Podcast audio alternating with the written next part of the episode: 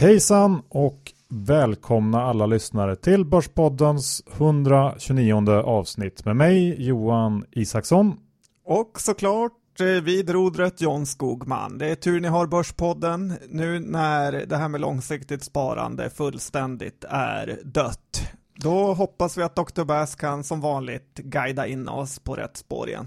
Ja, det ska jag försöka göra. Men innan jag gör det så ska vi presentera våra sponsorer. Först ut idag är ett erbjudande ifrån Placeringsguiden. En väldigt bra tidning som skriver om eh, aktier, fonder, råvaror och eh, andra placeringar. Vi kan faktiskt erbjuda sex nummer av Placeringsguiden och man får fyra stycken whiskyglas, vilket kan vara bra att ha i sådana här tider. Ja, då räcker knappt fyra, men man får ta vad man får. Ja, det här får du för 198 kronor plus porto och eh, du går in på www.privataaffärer.se Borspodden. Vi twittrar ut länken och den finns säkert på vår hemsida också här under veckan. Så gå in och kolla på det om ni vill lära er mer om eh, aktier och börsen. Bra erbjudande att hoppa på. Ja, verkligen. Det är bara att göra. 199 spänn är ju ingenting. Det känner man igen på en trade. 198 till och med. Men du, sen har vi ju Diro. Det har vi. Där har jag stuvat om lite i min vildsinta Diro-portfölj och den består numera av lite LinkedIn-aktier som jag fiskat upp.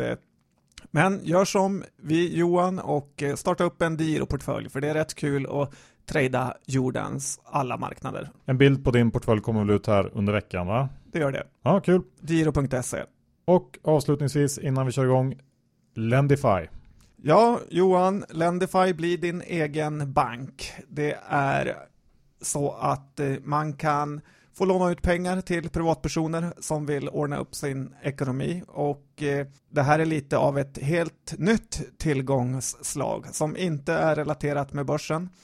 Man har fått 8% i avkastning i år så att det här står sig väl i klass med preffar och andra eh, instrument som ger ränta. Och om man vill så kan man till och med välja ut vilka personer man vill låna ut till. Det är en väldigt eh, rolig sida och eh, jag öppnar konto där som jag brukar göra när vi har sponsorer och eh, tittat runt på vilka som skulle kunna få låna mina pengar. Johan, det är väl inte så mycket mer än att göra än att gå in på lendify.se. Det finns även en länk på vår hemsida om man vill få komma dit enklare. Gör det. Nu är det dags att köra igång veckans avsnitt. Idag blir det ju mycket rapportsnack såklart. Men eh, vi kör igång direkt och eh, får se vart det bär av.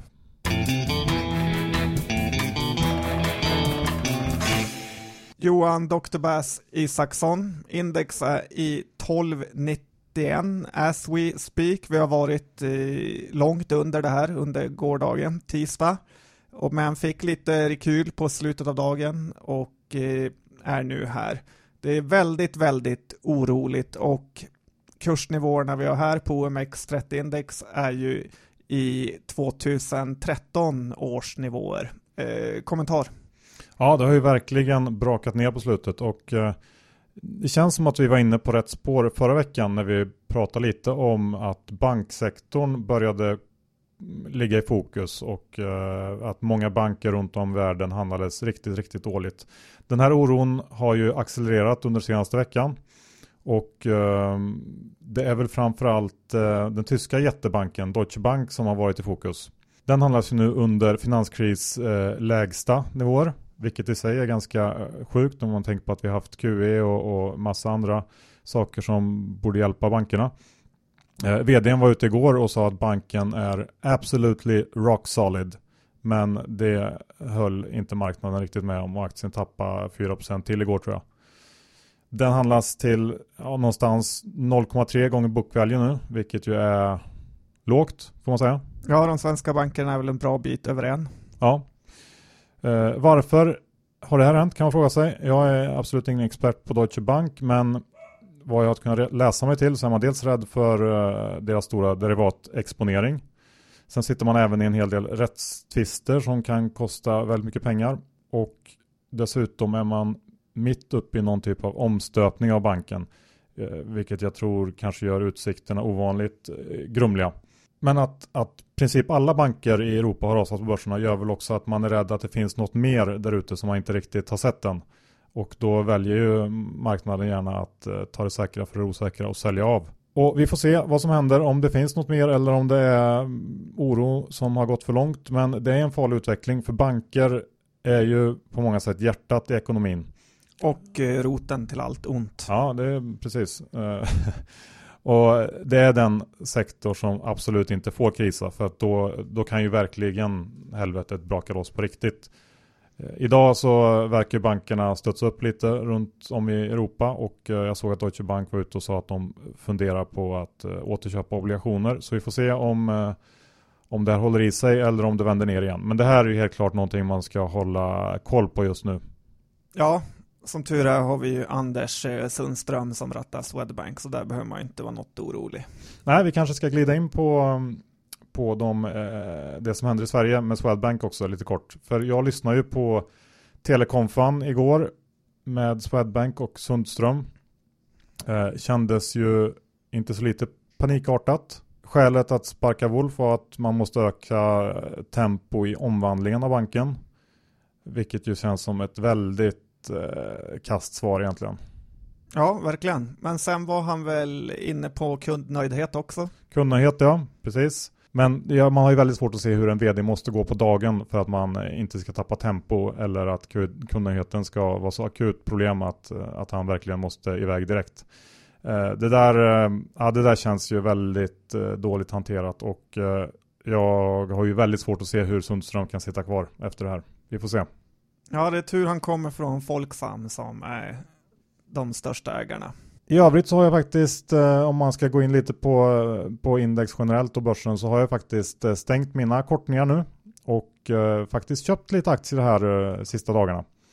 Så att ehm, vi får se om, om jag är rätt ut eller inte. Men jag sitter som vanligt väldigt nära säljknappen. Själv?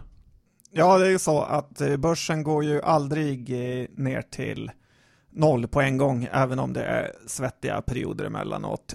Om man pratar teknisk analys så har ju gummibandet på nedsidan varit ganska hårt spänt, så att det är inte konstigt att vi får en rekyl. Men man ska nog inte tanka in för hårt heller, för det kan tvärt vända ner och då vill man inte sitta i skiten. Nej, och på tal om teknisk analys så såg jag ju att Jonny, vår kära Jonny Torssell på Carnegie, igår var ute och skrev att han trodde faktiskt på ett, eh, en lite större uppgång som skulle vara i några månader nu. Så att vi får se om, eh, om Jonny är rätt ute igen. Ja, Ja, det finns en stor chans att eh, börsen kanske kommer börja kika framåt utdelningarna här och skaka av sig den värsta rädslan. Så inte ett dåligt bett av Jonny. I den här typen av marknad så väljer jag i alla fall att fokusera på de stora bolagen när jag går in och köper för studsar. Typ H&M, Ericsson och liknande bolag som man vet att man kan eh, ganska enkelt röra sig in och ut ur. Jag gör tvärtom. Ska vi titta lite på HQ-härvan Johan? Gärna. Det är ju så att eh, rättegången mot eh, Kviberg och kompani har startat och av någon konstig anledning har åklagaren börjat köra en egen mediastrategi.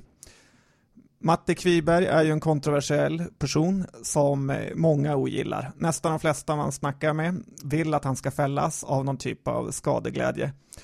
Jag tycker däremot att det är lite underligt hur åklagaren kan målas ut i media som en ensam man mot eh, 13 eh, advokater. När man vet att det är en hel myndighet med obegränsade resurser som, ja, inte jobbat dygnet runt, för det gör de inte där, men mellan 10 och 3 med det här målet i sex år. Och om de inte vinner det här målet som egentligen är det enda riktiga målet eh, EBM kört eh, sen Sevianmannen så vet man att många traders och pensionärer kommer få betala dyrt när de måste fixa till lite pinnar i statten. Och när vi ändå talar om EBM Johan så har ju datorhandeln tagit alla möjliga rekord här tycker jag sista tiden. Det som är nytt är ju hur mycket bluffordrar de använder i de mindre bolagen och då endast för att luras.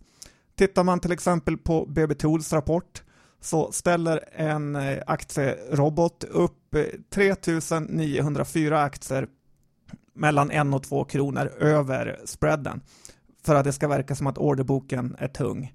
Detta för att lura folk och inte köpa och att det ska se ut som det finns mycket säljare. Sen står datorn själv och köper aktier. Och när eh, aktien då stiger så står inte den här ordern kvar utan den flyttas upp så att den hela tiden ligger en, två kronor över senast eh, betalkurs. Om en privatperson hade gjort det här så hade övervakningen varit på den eh, killen eller tjejen direkt. Jag börjar få en känsla av att börsen har helt gett frispel till datorerna. Och lite ytterligare kritik Johan till börsen känner jag att man inte riktigt kan lita på dem längre. Avanza kom ut med stat eh, som sa att handeln i morgonkolen i princip har upphört i de eh, små och medelstora bolag. Men då kontrar börsen med helt egna siffror och ibland får man känslan av att börsens statistikavdelning har lärt sig en hel del från Kina. Nej, okej. Okay. Men eh, har du något, något på manipulation då? Ja, det är ju så Johan att eh, det här som har kommit upp på agendan är ju hur företag ställer ut produkter med eh, så kallade strike-nivåer. Det här innebär att man kan köpa en hävstångsprodukt eller turbovarant eh, som i teorin kan ge väldigt bra kursutveckling om man har rätt. Nedsidan på det här är att om aktien går igenom en viss nivå, eh, så kallad en knockout-nivå, så blir den här produkten helt värdelös och eh, utställaren kan casha hem ordentligt. Detta hände hela tiden under förra krisen 2008-2009 då den populära aktien Pare som då Carnegie ställde ut så kallade turbovaranter på eh, hela tiden blev värdelösa. Problemet med det här är att den som ställer ut produkten eller varanten vill att kursen ska knockas och det gör dels att när aktien börjar närma sig den här nivån så börjar alla som äger produkten att vräka ut den och det här sitter, sätter ytterligare press på aktien då. Men sen när aktien närmar sig knockoutnivån så börjar även emittenten sälja aktier. Och den officiella eh, anledningen till det här är att man måste sälja sin hedge. Men i själva verket vet vi att det är för att knocka produkten. Det här händer hela tiden och det verkar vara helt okej. Okay.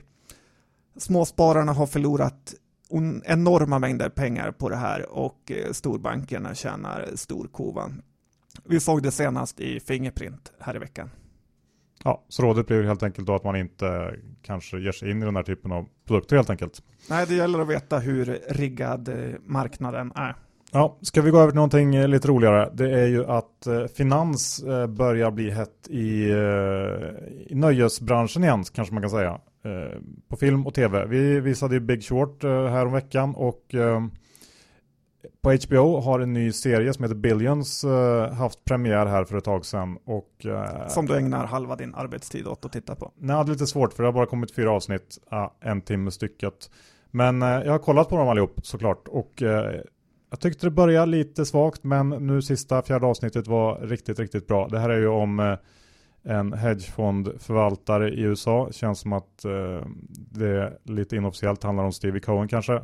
Som eh, fightas mot SEC, det vill säga deras motsvarighet till Finansinspektionen. Den är sevärd så att alla finansnördar där ute kan ta och titta på den tycker jag. Ja men det var en bra spaning där ute. Lite nöje behöver man också. Sen är det här med delningsekonomin som också är populärt Johan. Och man läser varje dag om bolag som ger sig in i den här branschen. Till exempel är det här med bilar väldigt hett nu. Att en bil står stilla i 23 timmar om dygnet. Men en sak som fångade mig lite var när jag läste idé om någon som har startat ett bolag som kallas för AirDine. Och det är ju sån extremt dålig idé att man då ska kunna gå hem till folk och äta middag och så ta betalt. Alltså när jag tänker på det här så kan jag börja skratta rakt ut nästan när som helst på dagen.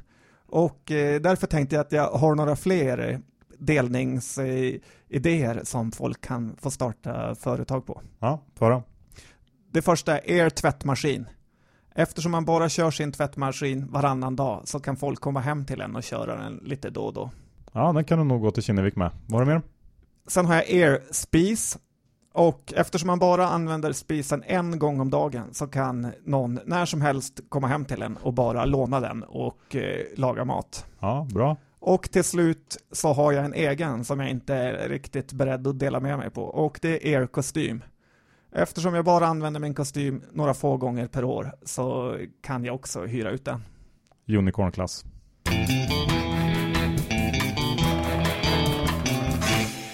Ja du John, vi har ju eh, ganska många bolag att uh, gå igenom idag. Jag vet inte riktigt vart vi ska börja. Stort eller smått? Eller vi... mittemellan? Stort låter bra. Ja, då kanske vi kan börja med uh, Autoliv. Ja, det tycker jag. Ja, den rapporten kom när jag var i Alperna och till min besvikelse för att jag vill ju tro att jag hade sålt på den. Men du kan ju berätta vad du tyckte om den. Ja, det var ju en rätt dålig rapport. Analytikerna ropar nu köp efter eh, kurskollapsen och jag säger akta er. Värdering på P14 är alldeles för hög jämfört med andra fordonsaktier. Kom ihåg att under finanskrisen så stod Autoliv i 100 spänn när det var som värst. Det är ett helt annat bolag nu, säger många. Och jag säger, jaså, då sålde de krockkuddar, vad säljer de nu? Ja, nej, så kan man säga. Och sen Johan, är ju det gamla favoritbolaget eh, MTG hot-favoriten. Ja, precis. De kom ju med en rapport som eh, var lite bättre än förväntningarna och aktien gick upp ganska mycket på den men har ju kommit ner igen. Vad tyckte du om den då? Du gillar inte MTG? Nej, det här är ett bolag som är skräp egentligen, men som man kan hitta fina trades i då och då. En stor del av intäkterna kommer från deras parabolverksamhet, det vill säga att villor utan bredband eh, måste ha en eh, parabol för att få kabel-tv. Det är en utdöende marknad. Dessutom har de börjat tokhöja priserna på sport, vilket förmodligen är smart. Det är bättre att höja mycket än lite, folk blir förbannade ändå. Nu höjer de vissa delar med 50% och eh, att de ska tappa 50% av sina kunder känns ju inte så troligt. Men långsiktigt så tror jag att det här är ett case som det kan finnas värde i, men det är väldigt, väldigt kämpigt om man har mycket emot sig. Därför är det bättre att ta något annat. Mm, jag håller väl delvis med kanske. Jag har faktiskt köpt lite här igår kring 220, men det är ju mer för en kortsiktig trade. Ehm, det finns spännande delar i det här. E-sportsatsningen tycker jag är en av dem. Men jag håller med om att den här strukturella motvinden eh, känns jobbig och eh, att vi nog inte alls är klara med med den så att det eh, kan vara ett bolag att hålla koll på som säkert kommer att bli för billigt någon gång här framöver om några år kanske. Ja. Mm. Ska vi ta ett annat storbolag? Vi kan ju ta Assa också när vi ändå håller på som vi eh, rekade sälj på veckan innan rapport och där eh, fick vi till det. Ja, det var en väldigt bra rek och eh, Johan Molin hade väl kanske fokuserat lite för mycket av sin tid på Sandvik. Kanske, det var ju inte på något sätt någon jättedålig rapport men man får inte leverera eh, snäppet under på marginalen när man är värderad i LinkedIn-klass. Precis ja. Och eh, det gjorde Assa och det räckte inte. Vi får se vart den här aktien tar vägen nu men det känns ju fortfarande mm, väldigt dyrt så att ingenting för oss att köpa in. Eh, Volvo kom ju också med eh, rapport här i början på veckan. En rapport som i sig var helt okej. Okay. Man eh, levererar bra marginalmässigt på lastvagnarna och mycket, det var ett starkt kassaflöde och så vidare och så vidare. Men för att man ska få betalt på riktigt för det här arbetet man har gjort i bolaget då måste man få hjälp av marknaden. Det går inte att spara sig till eh, en jättevinst för Volvo. Och vi är inte där. Tyvärr, det är bara så. Nej, och ibland kan jag tycka att det är ett otroligt eh, sug efter att vara lång Volvo om bolaget presterar hårt så ska det inte värderas eh, jättehögt. Så om allt går rätt så blir det P10. Jag eh, tycker man kan hitta bättre case än så.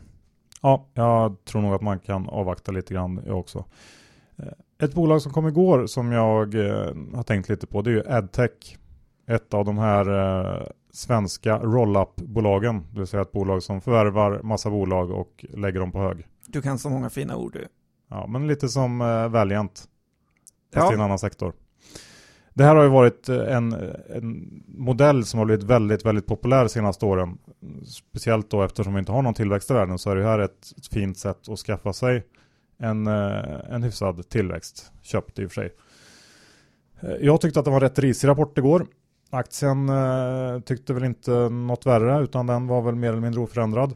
Men jag har liksom aldrig riktigt köpt den här idén eller gillat den. För vad är egentligen de här bolagen? Jag tycker att det är en stor hög av lågmultipelbolag som man har lagt på varandra och som man sen betalar en hög multipel på. Och eh, jag vet inte, lite som subprime-produkterna i The Big Short kanske. Eh, lite hårdraget kanske, men, men, många är säkert sugna på avknoppningen i AdTech. Men den här aktien värderas ju fortfarande riktigt högt och eh, marginalerna var inte alls särskilt bra och jag vet inte, jag, jag, jag skulle akta mig för det här. Många, många småbolagsfonder äger också mycket aktier i AdTech och i dess eh, kollegor Indutrade och eh, Lagerkrans. Så att eh, nej, inget för mig. Nej, man får också tänka på att deras nya Life Science-del, eller AdLife, som eh, den kommer att heta, är ett hopkok eh, som eh, kanske inte heller av den allra högsta kvaliteten. Nej, framtiden får utvisa det. Ska vi gå över till eh, någon slags eh, bygg, eh, byggrelaterad special? Ja, vi har ju ett det... gäng sådana bolag som kom in. Verkligen Johan, och eh, vi kan börja med Peab som är ett av börsens sämsta bolag och det har ju många stora liknelser med en dålig trader. Den går till jobbet varje dag i flera år och eh, förlorar pengar på att jobba. Eh, nu senast kostar det 800 miljoner att bygga MOS, alltså Mall of Scandinavia, och innan det var det Friends Arena som gick käpprätt. Eh, projektledarna på Peab kan inte vara så eftertraktade. Om man vill köpa ett byggbolag så är Peab det som ska stå längst ner på listan. Okej, vad säger du om eh, JM då? JM kom med en usel rapport som vi fått vänja vid oss sista tiden. Ett argument eh, som jag dock retar mig på när man hör bäs-snacket om JM är att eh, all mark redan är byggd på. Och det är lite som att säga att alla låtar redan är gjorda. Men om JM och kompani fick bestämma så hade alla parker i hela Sverige huggits ned och de hade fått bygga eh, bostadsrätter som de skulle tjäna extremt mycket pengar på. Även det för argumentet att man måste förenkla reglerna för bostadsbyggande är irriterande. En bostad eller hus ska stå upp i hundratals år. Att eh, byggbolagen bara vill smälla upp lite hus här och var är inget eh, någon egentligen borde längta efter. Nej, det kan jag väl hålla med om. Vad tycker du om eh, aktien i sig då? Aktien är ju inte jättedyr, men den ska inte heller vara dyr. Ett JM, en JM-värdering på P10 känns ändå helt okej. Okay. Det här bolaget stod i 20 spänn under finanskrisen och när det handlades i över 300 så var det ju fullständigt galna multiplar. Så där den är just nu är väl okej. Okay. Ja. Eh, fönstertillverkaren Inwido då? Nordeuropas största fönstertillverkare Johan, glöm aldrig det. Och de kom in med en fin rapport. Det här bolaget har varit eh, riskkapitalägt och det märks på redovisningen. De bryter ut allt det positiva ur det negativa som de särredovisar. Till exempel så är orderingången negativ, men man trycker på att den är positiv x stora orders. Och eh, jag tycker det är löjligt med en sån här amerikaniserad pajas-redovisning. Inwido ska heller inte värderas väldigt högt över P10 framförallt i en toppkonjunktur. Så ja, det kan finnas uppsida men även nedsida. Okej, hur såg eh, Svedbergs ut? Svedbergs, Johan, det här bolaget har jag varit ett fan av länge. Det är familjeägt, det är skuldfritt. Dessutom har bolaget skärpt till sig lite och kommit med ett helt gäng nya produkter. Bostadsbyggandet är ju på topp i Sverige just nu och eh, badrummet är ofta något man gör i slutet. Ser därför att Svedbergs kommer tjäna mycket bra med flis eh, under en lång tid framöver. Dessutom är direktavkastningen på över 6% Värderingen kan tyckas vara lite i högsta laget, men då bolaget är helt skuldfritt kommer de undan med det här. Dessutom har de som mål att tjäna 100 millar 2018. Så jag gillar vad jag ser och har köpt på mig lite. Okej, okay, och eh, Nobia då? Nobia. Och det här är ju köksbolaget som varken du eller jag Johan gillar. De konkurrerar med Ikea och eh, Ett bolag där chefer kokar böcker och eh, det är nedskrivningar och så vidare. Det här är inget för mig och jag tror inte att det är något för dig heller. Helt korrekt John. Ska vi avsluta den här lilla följetongen med BB Tools som kanske halkar in på ett litet hörn här i byggsvängen? Ja, det här är ett bolag som har fått smaka oerhört mycket. Det kom in en väldigt eh, bra rapport och eh, det var några engångsposter som verkade faktiskt åt det positiva hållet. Så man ska akta sig för att vara för positiv. Men det blev ett skönt lättnadsrally i aktien. P10 och fin direktavkastning eh, gör att man inte kan göra bort sig allt för mycket om man köper den. Tittar man till exempel på en av deras konkurrenter, Swedol, så är det ju nästan halva värderingen på det här. Ja, den skillnaden är lite konstig kan jag också tycka. Eh, jag tänkte att vi raskt går över till spelbolagen som ju för första gången på länge har upplevt eh, fallande kurser på bred front. Alla spelbolag har eh, mer eller mindre havererat sista veckorna. Nu kom Unibet och Kambi in med starka rapporter på morgonen idag. Och sektorn studsar upp lite. Eh, men trots dagens uppgång på runt 4-5% till exempel i Evolution så är den aktien ner 23% på en vecka.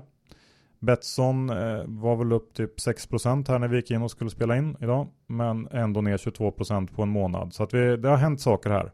Och jag tänkte vi kunde ta och titta lite på Betsson till exempel. Vad, vad som eh, har hänt. Och vi har pratat om det här ganska länge att man under en period har valt att helt bortse ifrån de risker som finns i den här branschen.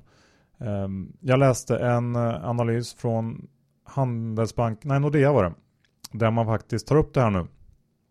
Ehm, de tror att Betsson kommer in de tror att Holland, där Betsson är stora, kommer införa en skatt på 29% på nätspel under 2017 och frågar sig om spelbolagen kan tjäna några pengar med en eh, sån hög skattebelastning och pekar också på att Sverige kan tänkas eh, hämta lite inspiration av Holland och att vi kan få se något liknande här i Norden. Holland är 20% ungefär av ebit för Betsson. Sverige, Norge, Norge, Finland är 40% av ebit och sen har de ju massor av vinst ifrån eh, Telia-länder. Det har ju inte funkat så bra som för Telia men Betsson har ju inte drabbats riktigt av den här de här vinsterna från kassaländerna. Vi får se hur det blir med det. Men givet 29% i skatt i Holland 2017 och en antagen 25% i skatt i Norden från 2018. Då, då kommer Betssons vinst pika 2017 för en väldigt, väldigt lång tid framöver. Och eh, tittar man på Nordeas prognoser för i år så handlas eh, Betsson på P17 vilket ju fortfarande är ja det är dyrt givet de här eh, utsikterna och de riskerna som verkligen finns i den här branschen. Ja Johan, det låter ju som många risker även om man kanske inte ska vara helt säker på att den svenska staten ska göra något för det har det varit prat om i 10-15 år nu. Absolut John, men eh, Holland verkar i alla fall vara på gång och eh, förr eller senare kommer det hända någonting i Sverige också. Så att eh, ja, jag tycker att de har väldigt många bra poänger eh, när de ser på det på det här sättet och eh, det gör ju också att även fast aktien har tappat väldigt, väldigt mycket så Ja, det, det, är något större som håller på att hända här tror jag och ehm, jag är lite försiktig i spelbranschen, speciellt efter förra årets fullständiga urballning också. Så att, eh, nej, vi väntar med spelbolagen igen. Det tycker jag verkligen vi gör. Ett annat bolag som vi väntar på är ju Anoto. Ja, det är ju också ett av börsens sämsta bolag. Jag börjar ha en hel del i det gänget, men det här ligger på i division 4 av de sämsta. Eh, kommer in med en jätte, jätte, jättedålig eh, rapport och aktien gick ner 27% En ny emission här känns nästan garanterad. Och garanterad kommer den vara så att aktieägarna får ge bort ännu lite mer pengar. Att bolaget börjat eh, småmaskera sitt eh, ofantliga behov av pengar via företagsköp har de väl lärt sig av Hexatronic. Men Anoto är i en mycket jobbigare bransch och det här är ett toksälj på aktien för alltid. Även om aktien, som ni vet, studsar fram och tillbaka 10-20% så är det inget för oss. Bolaget har härjat på så här i snart 20 år med att lura sina aktieägare på pengar. Så varför sluta nu Johan? Precis John. Och innan vi lämnar de svenska rapporterna så måste du säga några ord om ITAB. Ja, det här är bolaget som eh, tvärt emot de alla andra står emot allting. Man säljer hyllor till butiker och har en värdering på 20 plus. P-tal alltså. Jag förstår inte vad börsen kan se i det här bolaget som gör att värderingen är så hög. Rapporten tycker jag visar på lite slowdown och det är inte konstigt med tanke på vad vi ser här i världen. Och handlar den här aktien över 240 kronor känns vansinne. Visst, de kan lyckas med självutcheckningen, men hittills är det en Lidl-butik på Hisingen i Göteborg som kör med det. Så sälj i tab. Okej, då vet vi det. Nu tar vi några USA-bolag. LinkedIn var väl en snackis förra veckan när den eh, brakade ner 40% på sin rapport. Ja, och eh, det här sätter ju verkligen fingret på hur farligt det är med aktier och att man aldrig, aldrig ska vara all in i en aktie. Rapporten var sämre på utsikterna och eh, nu väntar man sig att aktien ska tjäna kring 3,20 dollar i år. Vi har ett p-tal på över 35, närmare 37 och det är efter kraschen Johan. Det är inte billigt, det är en bra verksamhet, men direkt tillväxten faller lite så dör sådana här aktier. Det finns ju en oro varje gång Facebook släpper sin rapport att något liknande ska hända, men hittills har de lyckats varje gång. Mm, spännande, spännande. Sen eh, hade vi eh, Viacom. Viacom ja, och alla som har ungar känner till Nickelodeon och Nick Junior Och det är det här bolaget som äger det. Aktien föll 17% på sin rapport och eh, ett sånt här bolag är väldigt beroende av kabel-tv-bolagen, hur de paketerar in deras kanaler som man får sälja. Man förstår ju att den självklara vinnaren är Netflix som är helt otrolig. Och jag ser Johan att bolag i den här klassen, MTG, Comhem med mera, ha, kommer ha en tuff eh, framtid framöver. Ja, så kan det nog bli. Ska vi avsluta med någonting från råvarusektorn i USA? Ja, det eh, klassiska bolaget Chesapeake Energy är på väg mot konken. USAs näst största naturgasspelare. Bolagsvärdet är på cirka en miljard dollar och de har skulder på 10 miljarder dollar. Lite läskigt kan man tycka. Aktien har tappat 90% av värdet i år och det här är saker som ställer till det även i banksektorn såklart.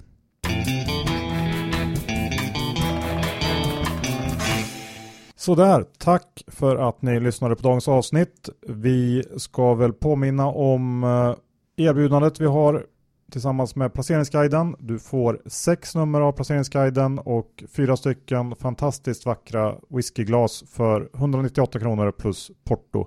Eh, gå in på www.privataaffärer.se snedstreck Borspodden. Det här twittrar vi ut sen också. Så kan ni läsa mer om det här fina erbjudandet. Digiro ska vi såklart tacka. Ja, håll till godo. Digiro-portföljen läggs ut alldeles strax. Ja, och sist men absolut inte minst Lendify. Lendify erbjuder en helt okorrelerad eh, avkastning jämfört med börsen. Gå in på lendify.se och bli din egen bank och låna ut till vem du vill. Väldigt skoj initiativ. Ja, och uh, hur är det med egna innehav den här veckan? Jag uh, har ju MTG som vi pratade om lite tidigare i podden. Hur är det med dig John? Ja, jag skulle nästan vilja vara kort MTG, men det är jag inte. Jag har lite LinkedIn, jag har Svedbergs och är väldigt lång i er-kostym. Coolt.